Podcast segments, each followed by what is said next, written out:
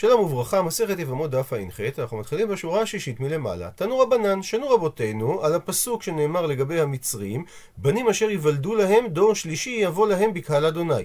ושואלת הברייתא, אם נאמר את המילה בנים, למה נאמר את המילה דורות? ואם נאמר את המילה דורות, למה נאמר את המילה בנים? הוא מסביר רש"י, שניתן היה לכתוב בן שלישי יבוא להם, או דור שלישי יבוא להם.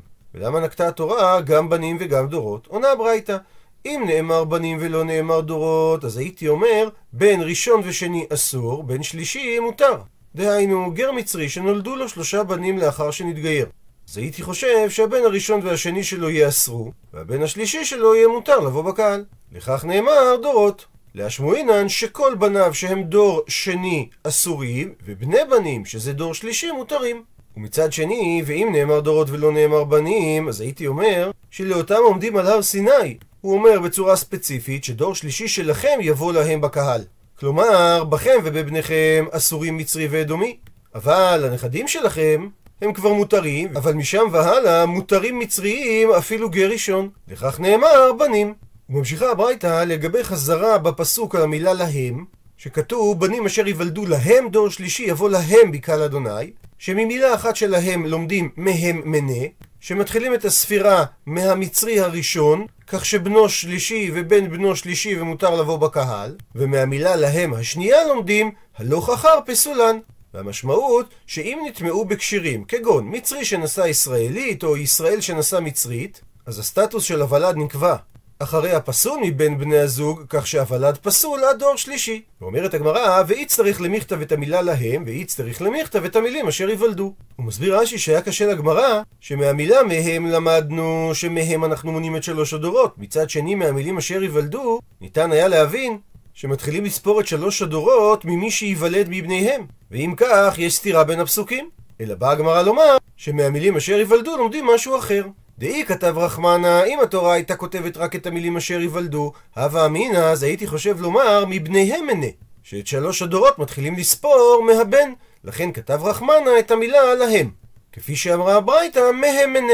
ומצד שני, ואי כתב רחמנה רק את המילה להם, הווה אמינא, אז הייתי חושב שבמקרה שיש מצרית מעוברת שנתגיירה, אז נאמר שהיא ובנה שנולד נחשבים לדור חד, ורק הנכדים יחשבו לדור השני. לכן כתב רחמנה את המילים אשר ייוולדו, כדי ללמד שכל מי שנולד אחרי הגיור נחשב כדור הבא. ממשיכה הגמרא, ואי צריך למכתב את המילה להם הכה.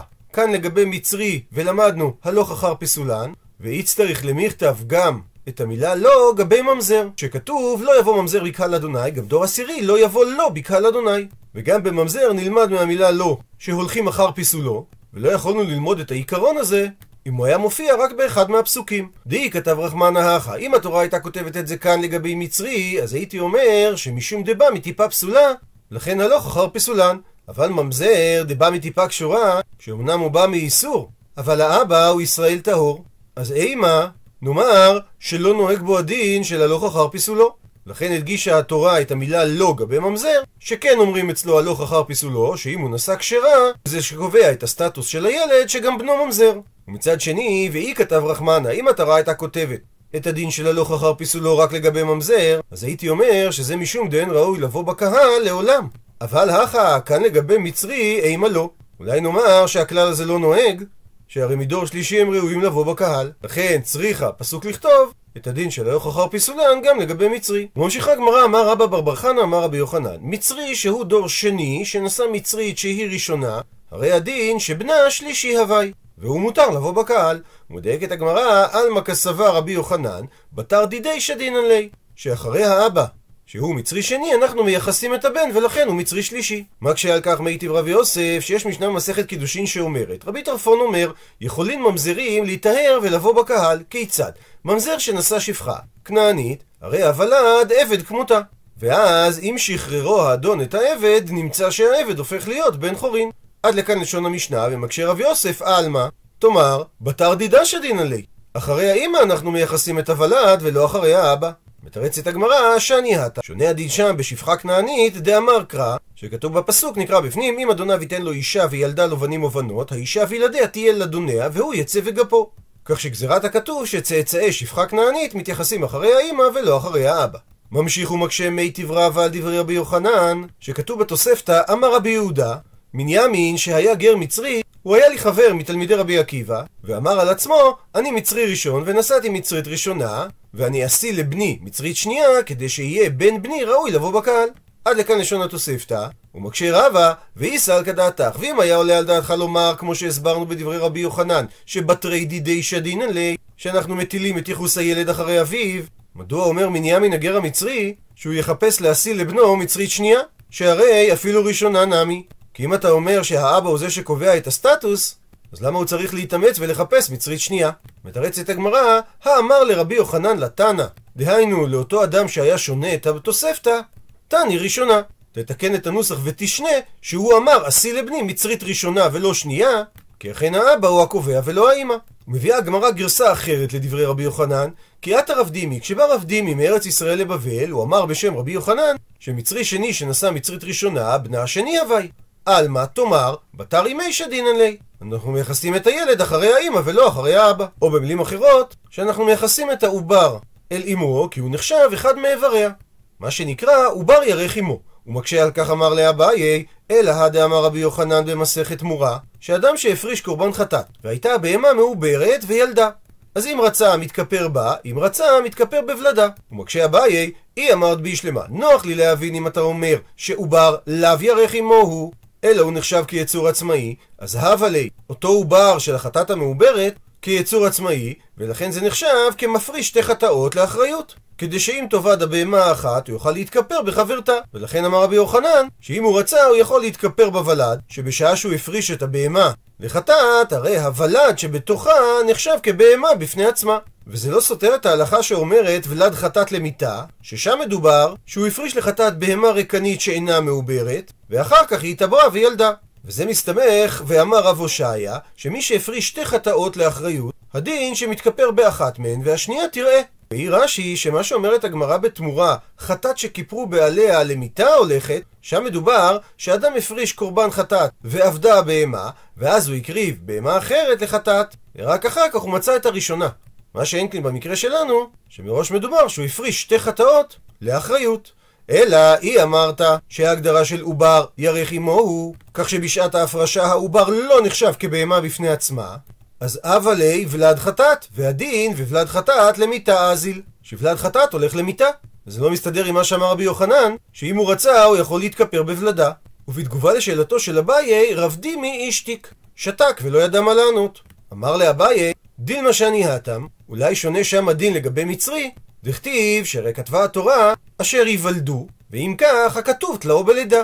שלמרות שדעתו של רבי יוחנן שעובר לאו ירך עמו, יש גזירת הכתוב לגבי מצרי, שייחוס הילד תלוי בלידה, שכן הולכים אחרי האם ולא אחרי האב.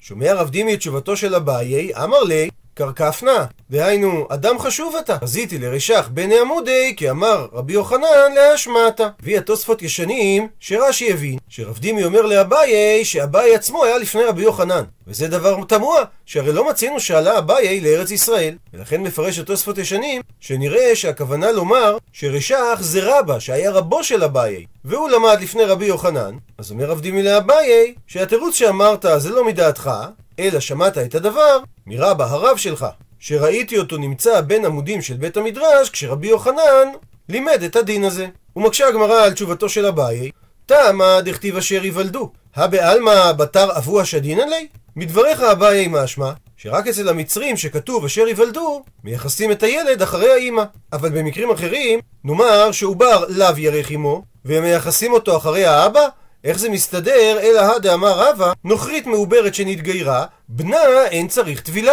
שלא צריך להטביל אותו לשום גירות, כי מועילה לו הטבילה של אמא שלו עבורו. ושואלת הגמרא, עמאי אין צריך טבילה. מדוע שהוא לא יצטרך טבילה? והרי לפי הסברו של אביי, עובר לאו ירך עמו. וכי תימה, ואולי תרצה לתרץ ולומר שהסיבה שהוא לא צריך טבילה זה משום דרבי יצחק. דאמר רבי יצחק דבר תורה, דהיינו מדין דאורייתא, רובו הוא מקפיד עליו חוצץ, רובו שאינו מקפיד עליו אינו חוצץ. שאם בשעת טבילה יש דבר שחוצץ ברוב הגוף, והטובל מקפיד עליו, הרי זה נחשב חוצץ והטבילה לא עולה לו. אבל אם החציצה היא על רובו של הגוף והוא אינו מקפיד על החציצה הזאת, הרי הדין שהטבילה מועילה ואין פה חציצה. ואולי תרצה לומר שבמקרה של ולד שאימו טובלת, אנחנו לא מגדירים אותה כחציצה לגביו, שהרי זו דרך גידולו. כך שניתן להסביר שהוא לא צריך טבילה, לא בגלל שעובר ירך עמו, אלא בגלל שאכן בפועל הוא טבל.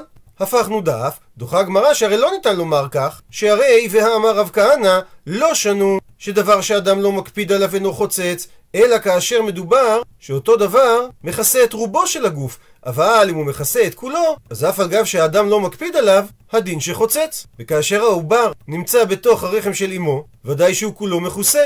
ולא ייתכן שתעלה לו הטבילה. אז נשאלת השאלה שלכאורה מזה שעולה לו הטבילה זה אומר שעובר ירך עמו. מתרצת הגמרא, שני עובר דהיינו רביתי. עובר לא נחשב ירך עמו, והסיבה שהטבילה של האימא מועילה, כי זה דרך גידולו שהוא נמצא במעי האם, כך שלמרות שהאימא מכסה את כולו, זה לא נחשב חציצה, וטבילת האם מועילה אף לוולד. מביאה הגמרא הבנה שלישית בדברי רבי יוחנן, כי עתה רבינה, כשבא רבינה מארץ ישראל לבבל, הוא אמר בשם רבי יוחנן, שבשבע אומות שהיו בארץ ישראל ועליהם נאמר לא תחיה כל נשמה, אז הדין באותם אומות הלוך אחר הזכר, ואם נתגיירו הלוך אחר פגום שבשניהם. ומסבירה הגמרא את דברי רבי יוחנן. מה שהוא אמר באומות הלוך אחר הזכר, כדתניא, כמו ששנינו בברייתא. מניין לאחד מן האומות, שהוא גוי שאינו מאותם שבעה אומות שהיו בארץ ישראל, כך שאין עליו את האיסור שלא תחיה כל נשמה. שבאה לכנענית והוליד בן, שאתה רשאי לקנות את אותו בן בעבד, ואתה לא מצווה לעמיתו, כי הייחוס של אותו בן זה אחרי אביו, שנאמר, נקרא בפנים, וגם מבני התושבים הגרים עמכם, מהם תקנו וממשפחתם אשר עמכם, אשר הולידו בארציכם, והיו לכם לאחוזה. מסביר רש"י, שמבני התושבים הכוונה, שבאו מאומות אחרים, ונעשו אבותם תושבים במקומכם. וזה הכוונה שבאומות הלוך אחר הזכר. יכול אפילו אחד מן הכנענים שבא על אחת מן האומות והוליד בן, שאתה רשאי לקנותו בעבד? תלמוד לומר, אשר הולידו בארציכם, שרק מן הנולדים בארציכם, ולא מן הגרים בארציכם. הסביר רש"י, מן הנולדים בארציכם, שאימו מארציכם, והיא ילדה אותו שם, ולא מן הגרים בארציכם, דהיינו שהוא נולד במקום אחר כי אימו משאר האומות, ואחר כך בא הילד לגור אצל אביו שבארציכם. כי במקרה כזה, הילד, כמו שאמרנו, מתייחס אחרי אביו, ולא ניתן לקנות אותו כעבד, שהרי הוא בכלל הציווי לא תחיה כל נשמה. ומעיר רש"י שדרך אישה להיות במקומה ודרך האיש לגלות. ולכן אותם שנולדים בארץ, ודאי אמו היא מקומית משבעת האומות, אבל הנולדים במקום אחר, ודאי האם תושבת אותו מקום, ולכן היא משאר האומות. ומסתבר לומר שהפסוק בא למעט מקרה שהאבא הוא כנעני. הוא מצטט את הגמרא את הממרה השנייה של רבי יוחנן, נתגיירו הלוך אחר פגום שבשניהם. ושואלת הגמרא, במה היא מדובר? אילי, האם תאמר שמדובר במצרי שנשא המונית, ואנחנו מייחסים את הזרע שלהם אחרי האב ולא אחרי האם, כך שאפילו אם נולדה בת, היא תהיה אסורה עד ג' דורות כמו אביה המצרי, ואנחנו לא מייחסים אותה אחרי אמה, שאז היא הייתה מותרת לאלתר, כמו שדרשנו המוני ולא המונית. אבל קשה להסביר כך, שהרי מהי פגום שבשניהם יתבע? שהרי מדברי רבי יוחנן משמע שיש פגם בשני ההורים, רק שאחד יותר פגום מהשני. אבל במקרה של מצרי שנשא המונית, אין שום פגם מצד האמא, שהרי דרשנו המוני ולא המונית והיא מותרת מיד. אלא מסבירה הגמרא, מדובר בהמוני שנשא מצרית, שבמקרה כזה שניהם פגומים, שהרי לשניהם אסור לבוא בקהל. אז אי זכר הווה שדיה בתר המוני, אם נולד בן זכר, מייחסים אותו אחרי האבא וייאסר לעולם לבוא בקהל. היא נקבה הווה, ואם נולדה בת, שדיה בתר מצרית. מייחסים אותה אחרי האימא, והיא מצרית שנייה, ועדיין היא אסורה לבוא בקהל, ולא מייחסים אותה אחרי האבא, שאז היא הייתה מותרת לבוא בקהל מיד. וזה הכוונה, שאם נתגיירו, הלוך אחר פגום שבשניהם. ואומרת המשנה, ממזרים ונתינים אסורים, ואיסורם איסור עולם, אחד זכרים ואחד נקבות. הוא מזכיר לנו רש"י, שנתינים הם בני העיר גבעון, שהיו מאומת החיבי, שנתגיירו בעורמה בימי יהושע, ונתנם יהושע עבדים לחוטבי עצים ושואבי מים. ואומרת הגמרא, אמר ריש לקיש, ממזרת לאחר עשרה דורות מותרת לבוא בקהל. והמקור לדבריו, יאליף ולומד, עשירי עשירי מעמוני ומואבי. שכתוב לא יבוא עמוני ומואבי בקהל אדוני גם דור עשירי לא יבוא להם בקהל אדוני עד עולם וכתוב לא יבוא ממזר בקהל אדוני גם דור עשירי לא יבוא לו בקהל אדוני אז יש גזירה שווה מהמילים עשירי עשירי מה להלן בעמון ומואב נקבות מותרות, אף כאן בממזר נקבות מותרות. מקשה הגמרא, אם מה להלן הנקבות מותרות מיד, אז אף כאן בממזר הנקבות היו צריכות להיות מותרות מיד. ולמה אומר יש לקיש שממזרת רק לאחר עשרה דורות מותרת? מתרצת הגמרא, כי האני, מה שמועיל ללימוד של גזירה שווה, זה רק מעשירי ואילך. אבל עד עשרה דורות, כתוב מפורש שממזר אסור לבוא בקהל. ולכן לא ניתן ללמוד מהמוני שנקבות מותרות מיד. ומועילה הגזירה שווה ללמד שמדור עשירי ואילך יש היתר לממזרות לבוא בקהל, כמו שיש היתר להמונית ומואביה. מקשה הגמרא, והנתנן, הרי שנינו במשנה שממזרים ונתינים אסורים. ואיסורם איסור עולם, אחד זכרים ואחד נקבות. הרי שגם נקבות שהן ממזרות אסורות באיסור עולם. מתרצת הגמרא לא קשיא, הקמאן דאמר דון מינה ומינה, הקמאן דאמר דון מינה והוא כי בהתרא. הוא מסביר רש"י שיש מחלוקת במסכת חולין בין רבי אליעזר ורבי יהושע לגבי אופן הלימוד בגזרה שווה. וריש לקיש סובר כדעת רבי אליעזר דון מינה ומינה, שכאשר לומדים גזרה שווה, גמרינן לה כולה מילתא מיני. לומדים את כל פרטי הדינים מהמקור המלמד.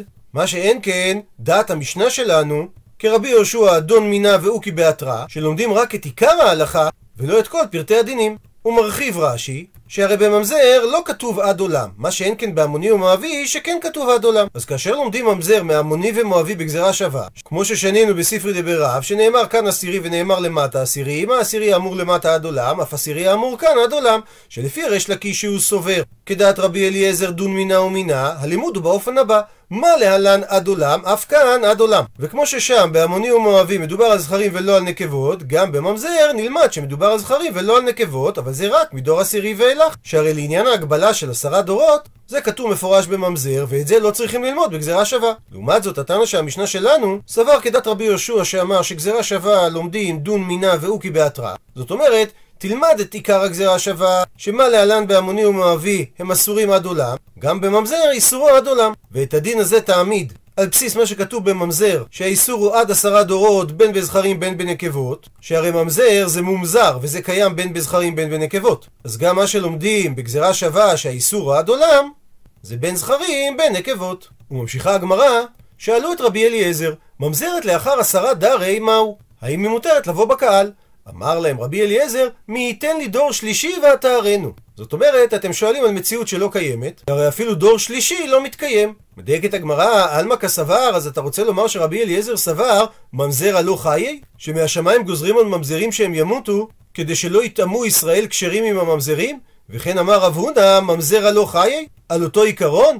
והאננתנן, והרי שנינו במשנה שלנו, ממזרים אסורים ואיסורם איסור עולם. ואם הם לא שורדים, אז למה אמרה המשנה איסורה איסור עולם? אלא בהכרח שממזרים כן שורדים. וקשה על רבי אליעזר ועל רב הונא. ענה על כך, אמר רבי זיירא, לדידי מפרשלי מיני דרב יהודה, שמעתי הסבר לדבר מרב יהודה, דידיע חיי, דלא ידיע לא חיי. מי שידוע שהוא ממזר, שורד, מי שלא ידוע שהוא ממזר, לא שורד. וממזר כזה, דידיע ולא ידיע, שרק לחלק מהאנשים ידוע שהוא ממזר, עד תלת הדרי חיי, תפי לא חיי. עד שלוש דורות הם שורדים, מעבר לזה הם לא שורדים. הוא מסביר רש"י שהסיבה לדבר, שאם אנשים יודעים בוודאות על מישהו שהוא ממזר, הם לא נטמעים בו, ולכן אין סיבה שמהשמיים יגרמו שהוא ימות. ואם לא ידוע לאנשים שהוא ממזר, הרי הוא לא שורד בכלל, כדי שלא יהיה מכשול שהוא יישא כשרה. ואם רק חלק מהאנשים יודעים שהוא ממזר, אז עד דור שלישי הוא חי, יותר מזה הוא לא חי, שכיוון שזה לא דבר שהוא ברור לכולם, דינו להישכח, ואנשים יכולים להיכשל. סייעתא לדבר מביאה הגמרא שההוא ממזרא דאה ובשיבבותא דרבי עמי שהיה גר בשכונה של רבי עמי אחי זלי רבי עמי דממזרא ובעקבות כך הווה אותו ממזר בכי ואזיל. היה הולך ובוכה שהרי עכשיו הכריזו עליו שהוא פסול לבוא בקהל. אמר לרבי עמי לאותו ממזר מה אתה בוכה? חיים נתתי לך כי עכשיו אין חשש שאנשים ייכשלו בך או בצאצאים שלך, ולכן אין סיבה שלא תשרוד. ממשיכה הגמרא, אמר רב חנא בר עדה, שהסיבה שהמשנה אמרה שנתינים אסורים לבוא בקהל זה בגלל שדוד גזר עליהם. וראשית נקרא את הפסוקים בפנים. ויואב בימי דוד שלוש שנים, שנה אחרי שנה, ויבקש דוד את פני אדוני. ויאמר אדוני אל שאול ואל בית הדמים, על אשר המית את הגבעונים. ויקרא המלך לגבעונים ויאמר עליהם, והגבעונים לא מבני ישראל הם, כי מיתר האמורי, ובני ישראל נשבעו להם, ויבקש שאול להכותם בקנותו לבני ישראל ויהודה. ויאמר דוד אל הגבעונים, מה אעשה לכם? ובמה אכפר? וברכו את נחלת אדוני. ויאמרו לו הגבעונים, אין לנו כסף וזהב עם שאול ועם ביתו, ואין לנו איש להמית בישראל. ויאמר, מה אתם אומרים? אעשה לכם. ויאמרו אל המלך, האיש אשר כילנו ואשר דימה לנו, נשמדנו, מהתייצב בכל גבול ישראל, יותן לנו שבעה אנשים מבניו, והוקענון לאדוני, בגבעת שאול בחיר אדוני. ויאמר המלך, אני אתן, ויחמול המלך על מפיבושת בן יונתן בן שאול, על שבועת אדוני אשר בנותם, בן דוד ובן יונתן בן שאול. ויקח המלך את שני בני רצפה בת איה, אשר ילדה לשאול, את ארמוני ואת מפיבושת, ואת חמשת בני מיכל בת שאול, אשר ילדה לאדריאל בן ברזילי המחולתי. ויתנה ביד הגבעונים, ויוקיעום בהר לפני אדוני, ויפלו שבתם יחד. והמה הומתו בימי קציר, בראשונים, בתחילת קציר שעורים. ותיקח רצפה ותהיה את השק, ותטהו לה אל הצור מתחילת קציר, עד ניתח מים עליהם מן השמיים, ולא נתנה עוף השמיים לנוח עליהם יומם, ואת חיית השדה לילה. ויוגד לדוד את אשר עשתה רצפה ותהיה פילגש שאול, וילך דוד ויקח את עצמות שאול ואת עצמות יונתן בנו מאת בעלי יבש גלעד אשר גנבו אותם מרחוב בית שאן, אשר תלאום שם הפלישתים ביום מכות פלישתים את שאול בגלבוע. ויעל משם את עצמות שאול ואת עצמות יונתן בנו, ויאספו את עצמות המוקעים. ויקברו את עצמות שאול ויונתן בנו בארץ בנימין בצלע, בקבר קיש אביו, ויעשו כל אשר ציווה המלך, ויעתר אלוהים לארץ אחרי כן. אמנם פשט הפסוק ויקרא המלך לגבעונים, ויאמר עליהם, ואז הפסוק אומר, והגבעונים לא מבני ישראל המה. אבל דרשו את הפסוק, כלומר שהגבעונים לא ראויים לבוא בקהל. ושואלת הגמרא, מה איתה מה גזר עליו דוד המלך? דכתיב, ויהי רעב בימי דוד שלוש שנים, שנה אחרי שנה. אז בשנה הראשונה אמר להם דוד לעם ישראל, שמא עובדי עבודת כוכבים יש בכם, דכתיב, ועבדתם אלוהים אחרים והשתחוויתם להם, ואז התוצאה, ועצר את השמיים ולא יהיה מטר? אז בדקו, ולא מצאו שיש ביניהם עובדי כוכבים. בשנה השנייה של עצירת הגשמים, אמר להם דוד לעם ישראל, שמא עוברי עבירה יש בכם? דכתיב, פסוק בירמיהו, וימנעו רביבים ומלקוש לא היה, ומצח אישה זונה היה לך מאן תיכלם. בדקו, ולא מצאו, שיש בהם כאלה שעוברים על איסורי עריות. בשנה השלישית של עצירת הגשמים, אמר להם דוד לעם ישראל, שמא פוסקי צדקה ברבים יש בכם, ואין נותנים את הצדקה שהם התחייבו? דכתיב, נשיאים ורוח וגשם אין, איש מתעלל במתנת שקר, שרואים עננים, רואים רוח, אבל אין גשם, ואת זה דרשו על אנשים שהם פוסקי צדקה ברבים, שלא נותנים. בדקו, ולא מצאו אנשים כאלה. אז אמר דוד המלך, אין הדבר תלוי אלא בי. מיד, ויבקש דוד את פני השם. מה יהי? מה כוונת הדבר? אמר יש לקיש, ששאל דוד המלך באורים ותומים. ושואלת הגמרא, מהי משמע? איך אתה מבין את זה? אמר רבי אלעזר, עטיה, כי זה נלמד בגזרה שווה, פני פני. כתיב האחה, כתוב כאן, ויבקש דוד את פני השם. וכתיב התם, נקרא בפנים, ולפני אלעזר הכהן יעמוד, ושאל לו במשפט ההורים לפני אדוני, על פיו יצאו ועל פיו יבואו, הוא וכל בני ישראל איתו וכל העדה. ובעקבות השאלה בהורים ותומים, דוד מקבל תשובה, ויאמר השם, שזה בגלל אל שאול ואל בית הדמים, על אשר המית הגבעונים. והכוונה, אל שאול שלא נספד כהלכה, ואל בית הדמים, על אשר המית הגבעונים. מקשה הגמרא, וכי היכן מצינו בשאול שהמית הגבעונים? אלא, מתוך ששאול נתן הוראה לדואג האדומי שהרג נוביר הכהנים, שהיו מספקים להם הגבעונים מים ומזון, אז הוא בעצם הרס להם את הפרנסה, מעלה עליו הכתוב כאילו הרגן. ומקשה הגמרא, כתבה אל שאול שלא נספד כהלכה, ובמקביל וכתבה על אשר המית הגבעונים? האם הקדוש ברוך הוא תובע את כבודו של שאול שלא נספד כהלכה, ומצד שני הוא תובע את שאול עצמו שהמית את הגבעונים? עונה הגמרא, אין, כן, דאמר ריש לקיש, מאי דכתיב? פסוק בצפניה נקרא בפנים, בקשו את אדוני כל ענבי הארץ אשר משפטו פעולו, בקשו צדק, בקשו ענווה, אולי תסתרו ביום אף אדוני. דרש ריש לקיש את המילים אשר משפטו פעולו, שבאשר משפטו שם פעולו. ובשמיים שדנים שם את האדם, שם גם מזכירים את פועל צדקותיו. עד לכאן דף ע"ח.